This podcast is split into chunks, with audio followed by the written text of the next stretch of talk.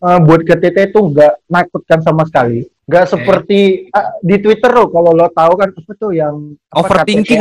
Ah, overthinking KTT. Yeah.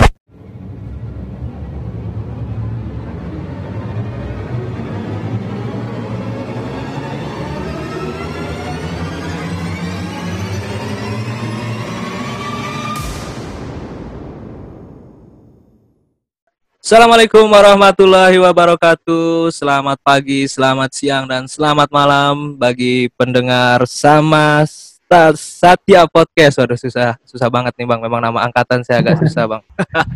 Kembali lagi bersama saya Saka Maulana selaku host di episode kali ini. Dan pada episode kali ini kita juga sudah bersama bintang tamu yang sangat spesial, Bang Matthew. Halo Bang. Halo Saka, halo teman-teman di 3KBN 2018. Apa kabar Saka? Alhamdulillah masih semangat walaupun sedikit takut dan gemeteran menghadapi KTTA ini, Bang.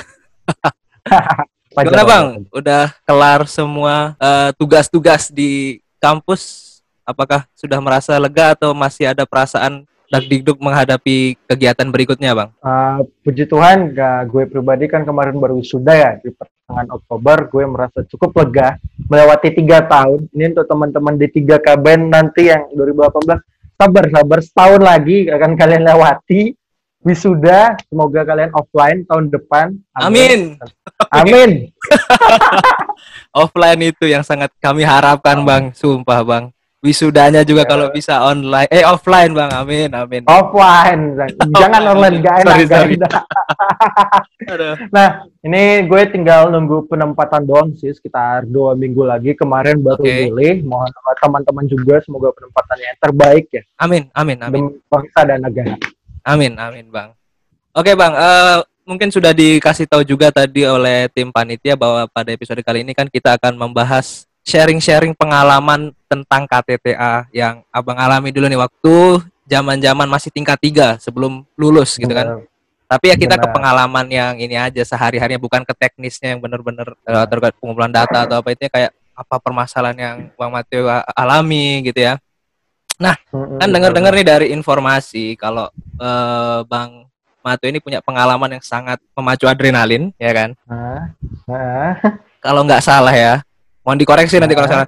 Di ACC dosen itu hamin satu jam sebelum pengumpulan KTT benar.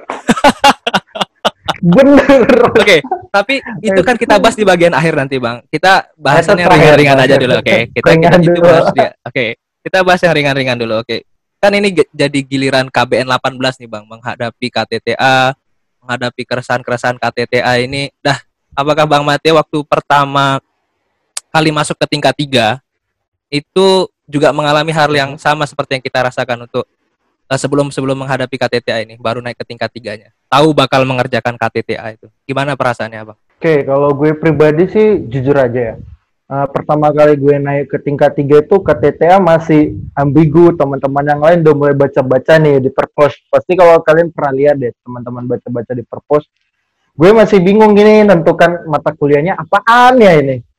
Ah, yeah apa nih? Bingung gitu kan. Soalnya di tahun gue juga kayak ada pengarahan juga tapi kayak tetap blank gitu nggak sih? Sadar nggak sih? Tetap pengarahan gitu terkadang blank gitu loh. Mungkin apakah blanknya karena ada rasa takut apa gimana bang? Blanknya lebih tepatnya susah memilih. Kayak susah kayak semua nilai gue kan biasanya pasti milih KTT kan yang nilainya yang paling tinggi ya. Maksudnya yeah. jadi mata kuliahnya. Nah kayak hmm. gue ya rata semua gitu loh. Jadi nggak ada yang unggul banget gitu. Oke, okay, kalau boleh tahu deh Bang, kalau boleh nanya. Ah, tapi ya. kalau nggak mau dikasih tahu juga nggak apa-apa. IP-nya Bang Matio berapa sih? Gue di IPK 3,6. 3,6. 3,6 sekian. Oke. Okay.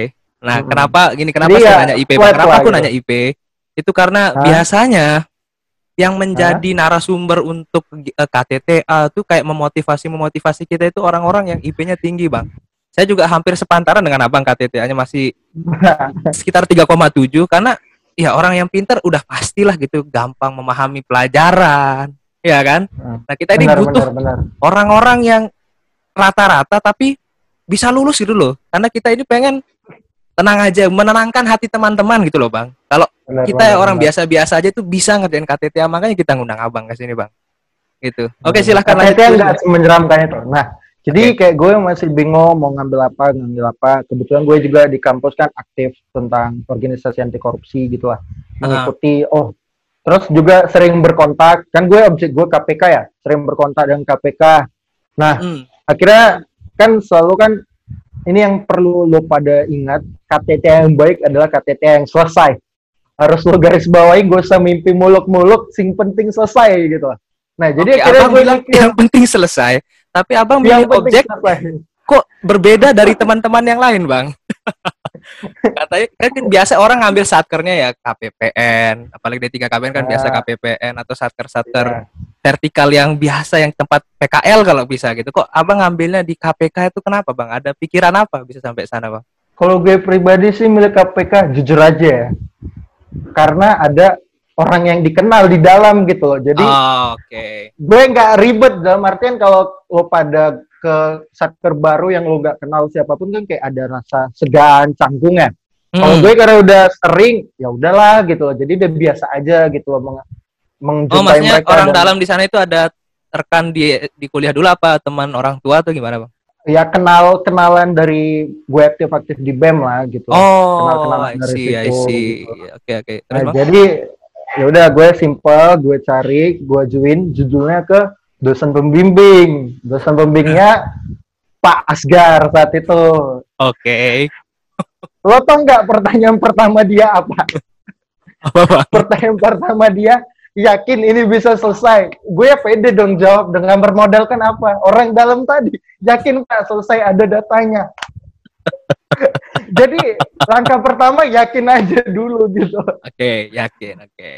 Jadi pertanyaan pertama beliau masih gue ingat sampai sekarang gitu. Yakin ini bisa selesai? Yakin pak, bisa pak. Ada orang dalamnya pak. Gue jujur, gue bilang ada kenalan di dalam pak.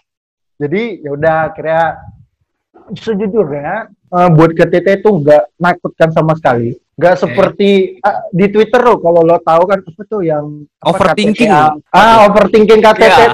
Gue, gue ini ini bulan 11 ya, belum nyampe bulan 11 seingat gue proposal harusnya bulan satu nggak sih paling lama ya kalau nggak salah atau uh, akhir bulan 12 Ah ya, kalau nggak salah ingat, aku juga ini untuk yang tahun ini, untuk yang eh, tahun sekarang hmm. itu setelah UTS itu baru ngumpulin, baru mulai membuat proposalnya, yaitu uh. ya sekitar sampai akhir tahun lah mungkin untuk proposal. Ya kan?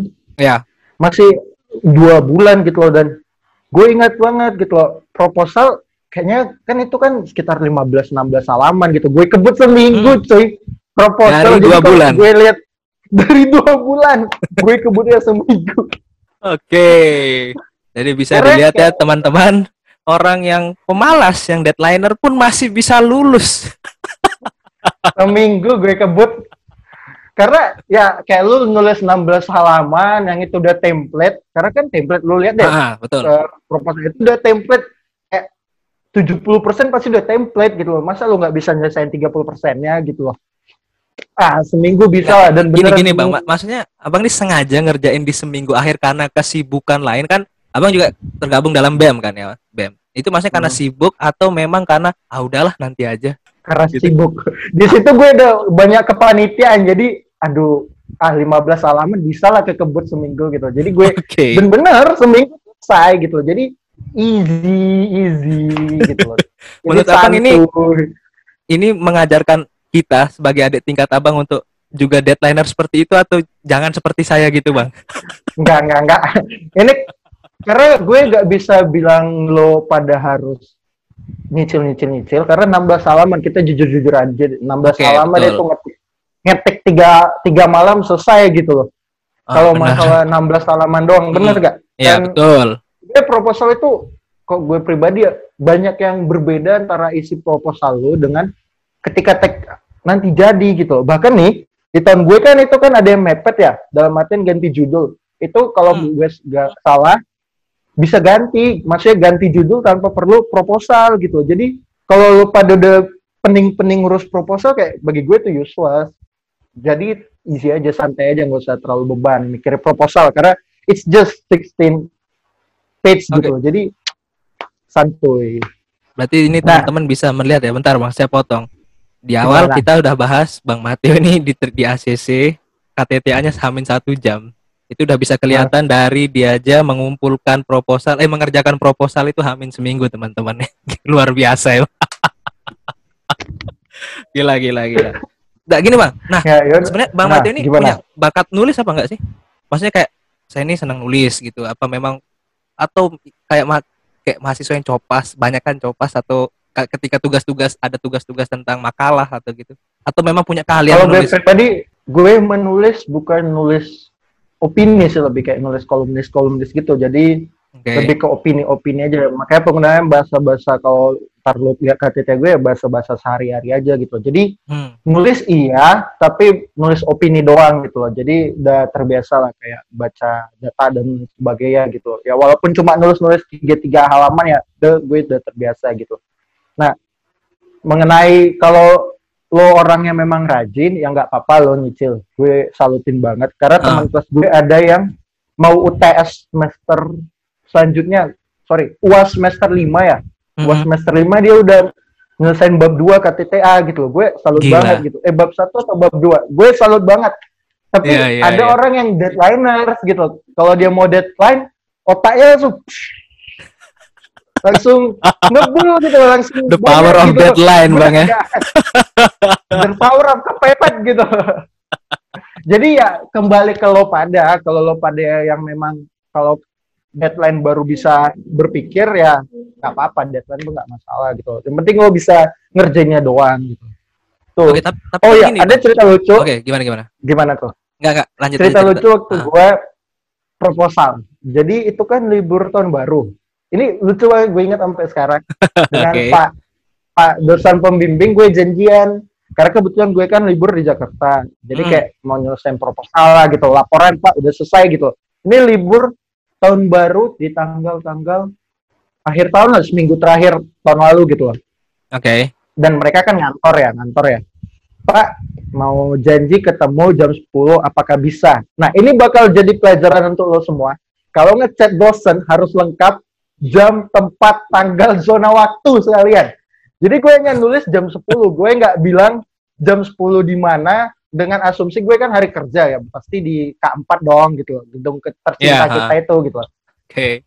Tetep datang nih jam 10 nunggu gue sejam. Terus kan itu hari Jumat ya singkat gue. Hari Jumat mau sholat Jumat. Heeh. kan nggak nggak benar lagi kan makin mepet sholat Jumat kan makin nggak jelas nih kan. Gue telepon Pak saya udah di Kampat nih Pak. Udah sejaman mau sholat Jumat. Bagaimana ya Pak? Loh kamu di Kampat saya kira kamu mau nyusul saya di Garut oh berarti wak- kemarin itu Bang Mateo cuma ngechatnya janjian jam 10 doang, tapi nggak di mana jam gitu. 10 dong. nggak di mana dan ya ada zona waktu sekalian kalau perlu gitu jadi Tapi waktu ah, itu Garut eh, Pak Asgar mengiyakan untuk pertemuan jam 10 itu mengiyakan. mengiyakan.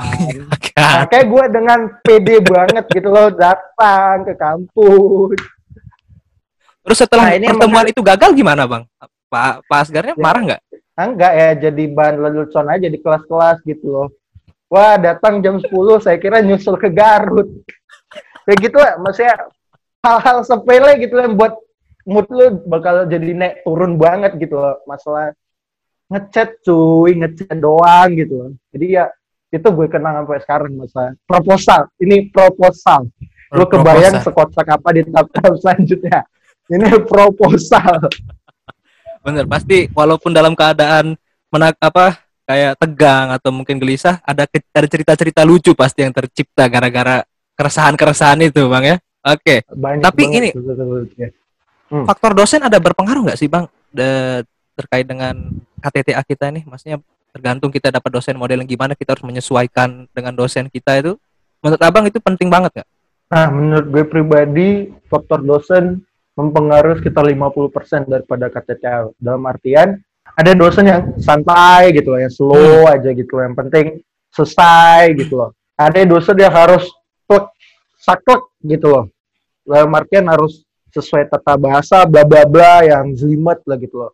Nah, Nah. eh, jujur gue pribadi eh, yang mau gue sarankan ke lo pada nanti ketika lo pada dapat dosen pembimbingnya Pak X, Pak Z, Pak Y gitu loh. Yang pertama kali lo harus tanya adalah yang dia bimbing tahun lalu.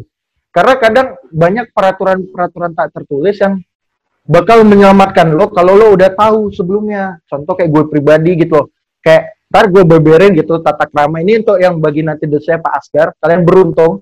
Gue akan spill gimana Pak Asgar itu gitu. Tapi itu penting menurut gue dalam hal misalnya gini, ada dosen nggak suka di chat malam. Ada dosen yang nggak suka ditemui tiba-tiba. Ada dosen yang harus on time, bla bla bla bla bla bla gitu loh. Itu lebih penting atau 50% penting bagi penulisan KTTA lu gitu. Tuh, iya, benar. sangat penting. Berarti memang benar. sebagai mahasiswa kita yang harus menghargai yang lebih tua dalam arti ini dosen yang kita harus menyesuaikan, tidak bisa egois, tidak bisa. Ya. Saya juga setuju benar, dengan benar, itu. Benar. Nah tapi kan Bang Matius sendiri sambil ini Bang bagi waktu sama kegiatan apa namanya uh, BEM itu kok masih bisa gitu dengan kesibukan BEM dan KTTA. Sedangkan kita aja yang di sekarang uh, di rumah aja yang tidak kegiatannya tidak sepadat ketika uh, sekolah via offline gitu kok masih bisa membagi waktu sedemikian rupa sampai akhirnya kelar sampai akhir gitu bang kepengurusan sampai eh, kalau, tahun, tahun berapa sih bang kemarin gue BEM aktif. Jabatan terakhir kan gue menteri sekitaran bulan 10 ya. Gue aduh kalender lupa. Sekitar bulan 10 kemarin. Oke. Okay. beberapa hari sebelum yudisium gitu. Oh, okay. jadi sampai situ gue tetap aktif di BEM. Nah uh, kalau gue pribadi sih ini uh, gue sarankan setiap orang punya zona waktu belajar yang masing-masing ya.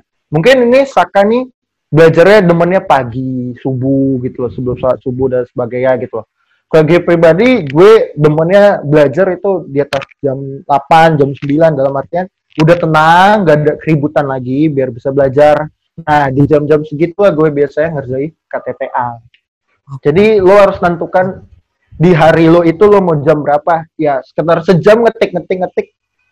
Nyicil Atau nyicil gue pribadi bang, pun nyicil. Bang Mateo ini gini punya uh, apa kebiasaan kalau males maksudnya kalau nggak berkegiatan itu malesnya keterusan gitu nggak sih bang jadi kayak aduh mau ngerjain KTT-nya juga malas mungkin karena bang, bang Mateo ini sibuk jadi kayak waduh kalau nggak dicicil bah bahaya nih gitu gitu nggak sih bang karena soalnya saya pribadi, Bener. kalau saya males gitu, Hah? seharian nggak ngapa-ngapain, itu keterusan sampai malamnya itu males gitu. Jadi kayak ah nantilah nantilah nggak ada yang nggak ada yang ngejar gitu. Waduh ini kalau ini sibuk nih bahaya nih kalau nggak dikerjain gitu loh. Itu nggak sih bang?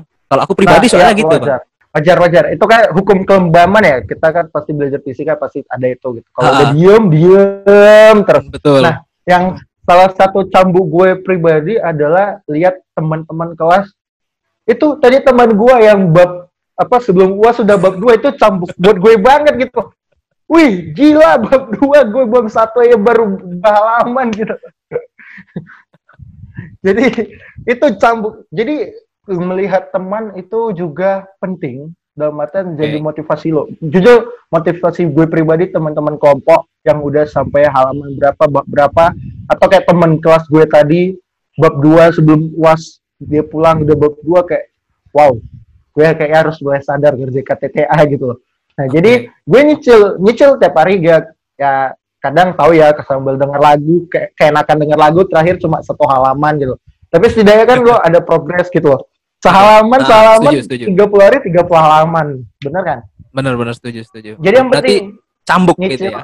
Ada yang cambuk buat kita merasa cambuk lo oh, bener bener oke aku setuju sama yang cambuk tadi. Nah dan kita masuk aja langsung ke bagian akhir. Cerita yang sangat memacu adrenalin Bang Mateo dulu. Ketika Hamin satu jam baru di ACC untuk KTTA final gila. Gimana Bang? Kronologisnya gimana Bang? Ya udah, jadi apa ya? Kan gue PKL ya. Aha. PKL keluar bulan 2. Keluar bulan 2 ya mulai lah dari situ kan gue udah punya data juga sebelum pulang mulai ngerjain ngerjain ngerjain jadi uh, yang penting lo di awal sama dosen pembimbingnya itu udah punya udah bertemu dulu gitu udah bertemu udah artian uh, udah sepakati isinya bakal apa aja dan lain sebagainya gitu loh ngerti nggak dapat yeah, poin yeah. gue jadi nah. di awal lo udah harus dapat bimbingan dari dosen pembimbing lo masih sudah sama-sama sepakat antara pilihan kita dengan uh, kemauan dosen itu udah sepakat gitu ya Benar. Nah, okay. nah, nah ini yang gue bilang tadi banyak peraturan-peraturan tak tertulis yang apa ya yang lo harus tahu tentang dosen lo. Dalam artian gini, kayak bapaknya itu apa ya nggak bisa nggak bisa telat orangnya harus on time. Ini buat Hmm. kalian kalian yang dibimbing beliau hukum terutama adalah on time. Betul. Jadi Ya, saya kalau kalian- pengalaman tentang beliau. Jadi kalau kalian tidak on time, merasakan sendiri akibatnya gitu. Nah, jadi ya ada sedikit ketidak on time-annya gue kui juga itu gue kesalahan gue dan teman-teman juga gitu loh. Dan juga eh, gue pribadi apa ya, gue jarang update dalam artian gue selesai bab satu baru update dulu, bab dua baru selesai. Menurut gue itu seharusnya gue di dalam proses pembuatan bab satu, bab dua, bab tiga dan bab empat itu gue harusnya update terus. Bukan ketika selesai bab satu selesai update, bab 2 selesai, update dan sebagainya. Jadi posisi ini lo lo pada harus tekankan posisi dosen pembimbing itu bukan jadi editorial gitu loh, bukan jadi tukang ngecek-ngecek benar salahnya gitu, tapi lo harus melibatkan kemauan dosen lo di tiap-tiap babnya itu gitu loh. Oke. Jadi Oke. jangan sampai lost contact dengan dosennya atau ngilang dengan dosennya gitu. Nah, terus ini juga yang mau gue pesankan ke lo pada kalau memang nggak paham kan biasa tuh kalau apa ya kalau lu pada lihat orang-orang sambat di tentang skripsi lah misalkan itu dicoret-coret ya, ya Oke. dicoret-coret. Coretan tangan kan kadang nggak jelas ya tulisannya. Oke. Nah, Nah, Itu poin yang mau gue sampaikan jangan sok tahu, jangan sotoy. Dalam oh, artian kalau kalau kita tanyakan gitu. Kalau memang nggak jelas kita tanya gitu ya. that's my point. Jadi kalau nggak jelas jangan sotoy, tanya aja gitu. Jangan pura-pura tahu padahal nggak tahu gitu loh. Karena malah Nah. itu yang menghambat kita. Jadi kayak, aduh, ini udah dikasih tahu kemarin kok masih salah gitu. ya. Diulang lagi hal yang sama. Nah, benar Oke, yang akhirnya oke, dosennya oke, I see, bakal kesel gitu loh. Jadi kalau kalian oke. nggak paham, ya ngaku aja Pak, Bu, saya nggak paham maksudnya gimana Oke, gitu. Oke. Heeh. Karena lo gue mereka gue nggak nggak terlalu jelimet ya dalam artian mereka nggak ah kamu masa bego banget sih dan lain sebagainya. Enggak mereka tetap membimbing juga ini harusnya begini Hmm. begini dan begini gitu jadi yang penting keterbukaan lo pada kalau memang nggak tahu ya jangan sok tahu aja. Jangan sok tahu itu poin paling penting. Oke. karena mereka kan juga udah lebih senior dari kita kan mereka juga nggak suka ketika kita sotoy gitu loh. Benar, benar. kalau memang nggak tahu ya tanya aja. Nah akhirnya gue pulang ke Medan tuh ke Medan dengan berbagai drama yang tadi yang akhirnya gue bisa apai ke lo pada kasih sharing ke lo pada karena gue udah dulu ngalaminnya begitu oke Ah, benar. you get my point jadi oke gue pulang ke Medan terus ada masalah yang tadi gue ceritain sebelumnya Heeh.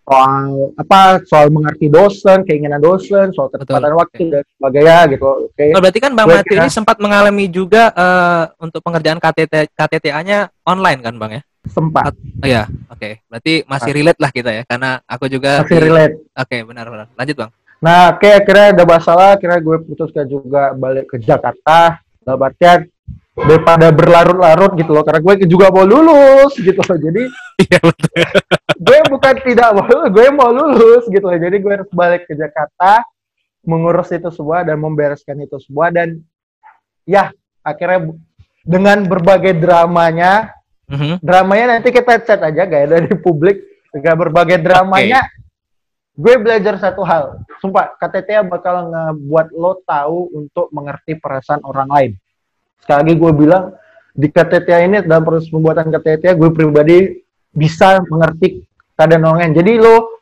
Orang lain di sini misalnya. dalam artian siapa, Bang? dosen pembimbing lo objek lo siapa pun misalnya gini Oke. lo mau ngechat jam 7 misalnya jam 6 6 pagi misalnya kalau dari sisi lo kan lo harus bangun secepat-cepatnya tapi kan dari sisi mereka bisa jadi mereka lagi sibuk lagi apa gitu lagi mereka gak bisa megang HP jadi lo harus mikirkan ketika gue ngechat ini objek gue terganggu nggak ya dosen pembimbing gue terganggu nggak ya jadi lo nggak nggak hanya mikirkan yang ada di kepala lo doang tapi lo harus mikirkan isi pikiran orang lain kira-kira Oke. Se- Sesimpel contohnya pemilihan bahasa. Kalau lo chat begini, dosennya bakal tersinggung nggak ya gitu loh. Hmm, Kalau begini gini, jadi lo harus banyak berpikir dari sisi orang lain dalam penulisan KTTA. Karena jujur aja ini kan melibatkan objek lo misalnya, melibatkan dosen pembimbing lo. Jadi benar-benar sudut pandang orang lain harus lo pakai gitu loh. Berarti bukan Nah. cuma sekedar eh, KTTA kita kelar kelar lah gitu. Bukan gitu, Bang ya, tapi kita harus Enggak, memperhatikan enggak. semua stakeholder kita, benar Bang ya? Betul. Lo harus- Oke. Karena kayak contoh ada objek yang data ABC nggak boleh disebar ya, data bla bla bla nggak boleh disebar dalam bentuk tabel, tapi kalau mau dinarasikan boleh gitu. Oke. Kalau lo ngelanggar kan, ya lo kehilangan trust dari mereka dong. Nah jadi berkomunikasi, berpikir dari sudut pandang orang lain itu bakal lo rasain selama menyusun KTTA. Gue pribadi cukup rasakan ya. Akhirnya dengan pertolongan Pasgar, beliau dengan telaten membimbing gue, bla bla bla, dengan bantuan teman-teman juga selesai dengan yang tadi lo sebut satu setengah jam sebelumnya, nggak sejam gue ralat. Satu setengah jam sebelumnya. It- itu tadi berarti satu setengah jam di ACC satu setengah jam sebelum itu karena apa bang? Karena memang ada keterlambatan itu tadi apa gimana? Iya, karena gue miss antara keinginan dosen dengan yang gue tulis. Oke. Buat kayak gue tadi bilang kalau pada lo harus bisa sesuaikan keinginan dosen lo dengan apa yang lo tulis. Makanya gue bilang lo harus bisa dari banyak sudut pandang gitu loh, nggak hanya dari isi otak lo doang, isi kepala lo doang. Gitu. Gue missnya di situ dan itu sebenarnya gak nyusahin, bahkan yang kocak ya, yang harusnya gue gue ketawa juga sih, tapi sedih karena udah main dua jam gitu loh saat ngedit ya. Ya. Ah, Yang harusnya di poin huruf A, gue buat huruf B. Yang harusnya huruf B, gue buat huruf A. Jadi kasarnya tinggal Ctrl C, Ctrl V, turunkan jadi A ke B gitu. Tapi itu dramanya sejam loh untuk itu sejam lebih dua jam malah gitu hanya untuk menggeser itu doang gitu loh Jadi ini berarti eh, Bang Mateo merasa hal ini terjadi karena kesalahan abang pribadi gitu ya, bukan? ya benar tentang Oke. gue pribadi dalam hal berkomunikasi nah itu gue banyak belajar selama KTT dalam hal komunikasi dengan pihak yang lebih tua yang lebih luar di luar dari diri gue sendiri gitu loh Nah, tapi mungkin kan banyak orang berpikir gitu ketika hal itu terjadi pada dirinya, yang disalahkan itu selalu orang lain gitu bang. Pasti kan eh, abang juga sering punya teman yang kayak gitu kan. Eh, selalu kalau keadaannya dipersulit, dipersulit gitu. Ya kayak contohnya pengalaman KTTA-nya abang ini mungkin menyalahkan orang-orang di sekitarnya, menyalahkan mungkin dosen pembimbingnya, menyalahkan eh, objeknya atau semuanya lah ya. Dia eh, jarang ada yang eh, seperti eh, Bang Mateo sampaikan itu dia eh, kayak men- apa memperbaiki diri, evaluasi diri gitu. Waduh, ini saya kayaknya terlalu egois, saya tidak memperhatikan orang lain itu. Berarti pesan dari Abang adalah mungkin kita selalu evaluasi diri juga gitu, Bang ya. Jangan menyalahkan eh, eh, apa orang-orang di sekitar kita, stakeholder-stakeholder yang berkaitan langsung dengan pengerjaan KTTA ini gitu, Bang ya. benar jangan denial terus jangan lo gak mau ngaku salah. Dalam artian kalau lo salah ya gentle bilang maaf pak bu maaf saudara ABC kalau misalnya objek maaf kak bang dan sebagainya. Saya salah gitu loh. Ya kalau salah ya bilang salah aja gitu loh. Karena lebih melegakan daripada lo selalu membenarkan diri sendiri gitu. Kalau lo membenarkan diri sendiri lo gak kelar kelar mending salah saya saya salah pak. Mohon bimbingannya selesai. Pasti dibimbing gitu loh. Nah itu poin yang tadi. Jangan sok tahu Iya, oke, oke. Oke. gitu Iya, luar biasa, Bang. Eh, saya juga mendengarkan dengan sangat ini ya, menarik sekali. Ada cerita seperti ini saya baru baru tahu ya ada pengalaman. Mungkin teman-temannya Abang juga yang lain banyak juga pengalaman yang ini ya, yang eh, lebih eh, saya kalau kayak gitu nger- ngeri banget, Bang. Satu setengah jam baru di ACC itu waduh, belum nanti revisi terakhirnya lagi masukin masukin ini ya, ya ampun itu kok bisa abang setenang itu gitu loh bang kayak di waktu satu setengah jam menunggu sampai Gini, akhirnya mengumpulkan gitu. karena gue percaya bapak ibu dosen itu orang-orang baik yang mereka juga nggak mungkin tega lihat orang lain anak yang gagal gitu. Jadi gue percaya ini, ini akan jadi happy ending. Cuma ini bagian dari mereka mendidik gue gitu. Loh, oke. untuk ya tadi makanya gue bisa share ke lo pada ya setelah mereka didik dengan segala dramanya itu gitu loh. Jadi Oh, ya itu- itu itu menurut eh, bang Mateo itu kayak eh, s- bentuk pendidikannya mereka gitu ya memang Benar. mereka beliau apa beliau sengaja melakukan itu untuk mendidik kita gitu bang Betul sekali. Jadi kita jangan tadi kayak lu bilang menyalahkan, ah bapaknya kejam banget, bla bla bla. Bagi gue pribadi, ya enggak, ini bagian dari cara gue mendidik mereka mendidik gue gitu loh. Supaya tadi lebih tepat waktu, bisa berpikir dari sudut pandang orang lain, jangan ngaco, jangan sotoy gitu. Dan sebagainya gitu. Oke, oke Bang, mungkin eh, sharing yang luar biasa dari Abang nih udah lebih dari cukup, terutama bagi saya yang bisa ngobrol langsung dengan Bang Mateo. Dan semoga ketika podcast ini di-share, ya bisa juga memotivasi teman-teman yang lain. Jujur saya juga sangat wah kayak baru tahu hal-hal seperti ini secara langsung kaget saya gitu gitu loh. Karena biasanya mungkin permasalahannya yang ya sekedar sambat-sambat doang ternyata ada yang se ekstrim. Menurut saya, menurutku ini ekstrim bang. Menurutku ini sangat ekstrim gitu. ya luar biasa ini bisa menjadi pembelajaran banget nih buat aku dan semoga benar, benar. buat teman-teman di 3 KBN 18 yang lainnya gitu bang. Oke, okay, Bang Mateo mungkin ada kata-kata atau uh, kalimat terakhir yang mau disampaikan kepada rekan-rekan D3 KBN 18 sebagai adik tingkatnya Bang Mateo. Oke, okay, uh, eh, terima kasih Saka. Mungkin sebagai penutup aja dari gue pribadi, uh, mungkin lo nggak apa-apa, lo sambat, nggak apa-apa lo ngeluh tentang KTT lo nggak apa-apa itu normal lo manusia biasa gitu loh tapi yang mau gue tekankan KTT yang baik adalah KTT yang selesai jadi lo harus berpikir kata selesainya yang penting ini selesai gitu oke okay? mengenai penilaian dan sebagainya lo santai aja terus itu hanya sebuah karya tulis 60 halaman gitu loh yang kalau lo seriusin itu sebenarnya kalau ngetik kalau lo udah punya data itu bisa selesai seminggu ngetik doang Oke. Okay.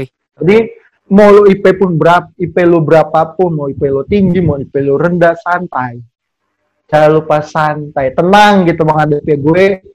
Gue tahu, udah lo dengar ceritanya gue gimana, gue tetap santai. Okay. Yang penting lo tenang. Okay. Dan jangan lupa KTT yang baik adalah KTT yang selesai. Oke. Oke. Okay. Terima kasih banyak Bang Mateo atas semua sharing pengalaman KTTA-nya dan uh, semoga penempatan sesuai harapan dan bisa terus membangun uh, bangsa Indonesia dan uh, membawa nama baik PKN Stan ya Bang Mateo sebagai alumni udah jadi alumni kan sekarang ya sebagai alumni PKN Stan D3KBN 2017. Oke Bang Matius terima sekali uh, sekali lagi terima kasih atas waktunya uh, untuk di untuk bisa hadir di episode kita kali. Oke ke pendengar podcast D3KBN 18 ini dia uh, sharing terkait dengan pengalaman KTTA dari salah satu alumni kita. Kita akan berjumpa lagi di episode-episode berikutnya dengan bintang tamu yang tentunya sangat spesial, spesial. Oke. Okay. Assalamualaikum warahmatullahi wabarakatuh. Sampai jumpa.